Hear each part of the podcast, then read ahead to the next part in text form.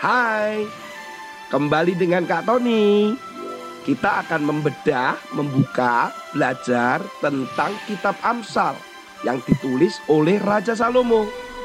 Agar kita mendapatkan hikmat pengetahuan dalam menjalani kehidupan ini. Dibawakan oleh Kak Tony. Tuhan Yesus memberkati.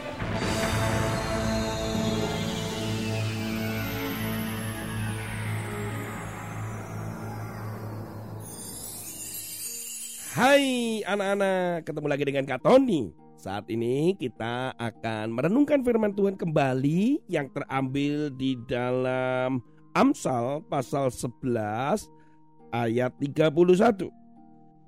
Kalau orang benar menerima balasan di atas bumi, lebih-lebih orang fasik dan orang berdosa. Firman Tuhan hari ini di dalam kitab Amsal itu mengatakan bahwa apa pun yang kita lakukan, apa pun yang kita kerjakan itu selalu ada akibatnya. Selalu ada pengaruhnya.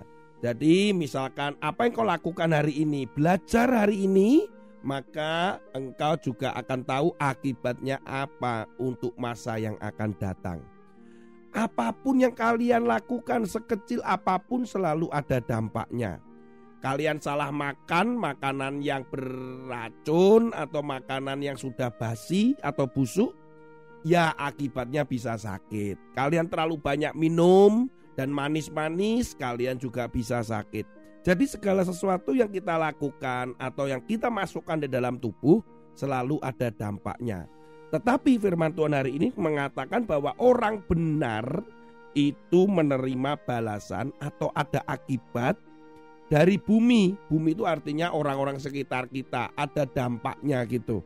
Jangan merasa juga dirimu bahwa kecil Kak Tony saya nggak bisa apa-apa, saya nggak bisa memberikan dampak, saya nggak bisa melakukan apa-apa.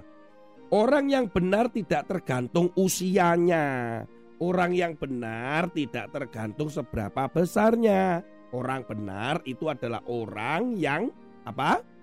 Melakukan firman Tuhan, yang adalah kebenaran karena Yesus ada di dalam dirinya. Itu kan kalian-kalian semua. Gitu. Jadi jangan merasa diri kalian nggak bisa apa-apa. Ngomong-ngomong masalah hal itu, Kak Tony akan tunjukkan tentang pensil. Pensil itu kan bendanya kecil, kalian pasti punya ya kan di rumah ada pensil. Ayo coba tantangannya Berapa pensil yang kamu punya saat ini ada di rumahmu? ya. Kak Tony di depannya Kak Tony ada banyak ya karena ada pensil-pensil warna. Oke, kita berbicara tentang pensil. Tahu nggak kalian bahwa pensil ini di seluruh dunia dalam satu tahun itu diproduksi oleh perusahaan pensil itu banyaknya adalah 14 miliar batang. Ini banyak sekali ya yang paling banyak menggunakan pensil adalah di Amerika Serikat. Jika semua pensil-pensil itu digunakan untuk membuat garis, jadi semua menggaris yuk pakai pensil begitu. Ternyata akan tercipta 64 garis yang akan mengelilingi dunia. Wah, berarti banyak sekali ya anak-anak ya pensil itu. Satu batang pensil rata-rata dapat menulis 40 ribu kata atau setara dengan garis sepanjang 56 km. Anak-anak kalau kita punya pensil, kamu tarik garis sampai habis itu pensil, diraut lagi, tarik lagi, raut lagi, satu pensil menghasilkan 56 km garis. Wih. Awalnya pensil itu dipakai untuk menandai kambing ternyata. Aduh kambing, mbek gitu ya. Karena sifatnya adalah sifat grafit atau bahan dasar pensil yang lunak membuat para peternak itu mudah menorehkan tanda di kulit kambing. Jadi kulit kambing itu ketika setelah dipotong, dipisahkan dari kambingnya, kemudian ditandai atau ditulisin dengan pensil. Pensil pertama diciptakan pada tahun 1565 di Inggris. Tetapi baru satu abad kemudian diproduksi secara massal di Jerman. Pada tanggal 30 Maret 1858 manusia menciptakan penghapus. Jadi pensil itu harus ada penghapusnya. Nah bagaimana menghapus pensilnya? Pada tahun 1800-an baru muncul diciptakan penghapus. Sebagian besar pensil bisa terbantu kalau salah gitu nulisnya. Eropa tidak menggunakan penghapus seperti pensil di Amerika.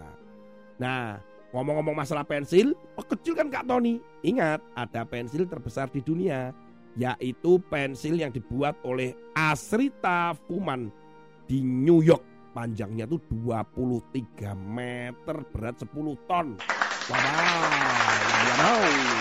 Tapi harganya nggak kuat anak-anak, harganya 193 juta 800 ribu.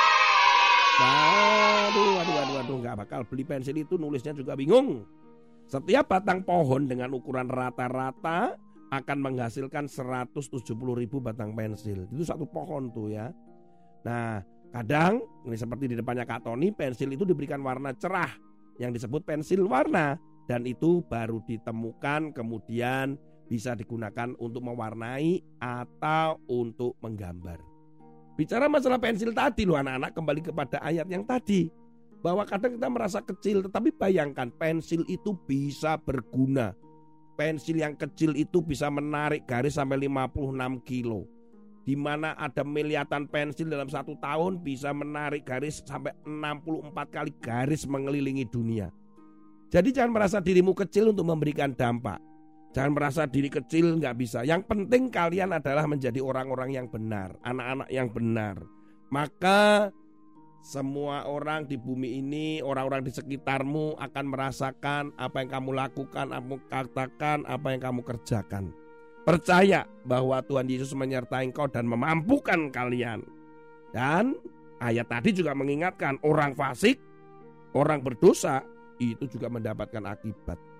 Jadi jangan berbuat yang jahat, jangan berbuat yang jahat, buruk, tapi berbuatlah yang benar seperti yang Tuhan Yesus mau. Tuhan Yesus memberkati. Salam pensil, eh salam pensil. Salam untuk kalian semua. Tetap semangat. Haleluya.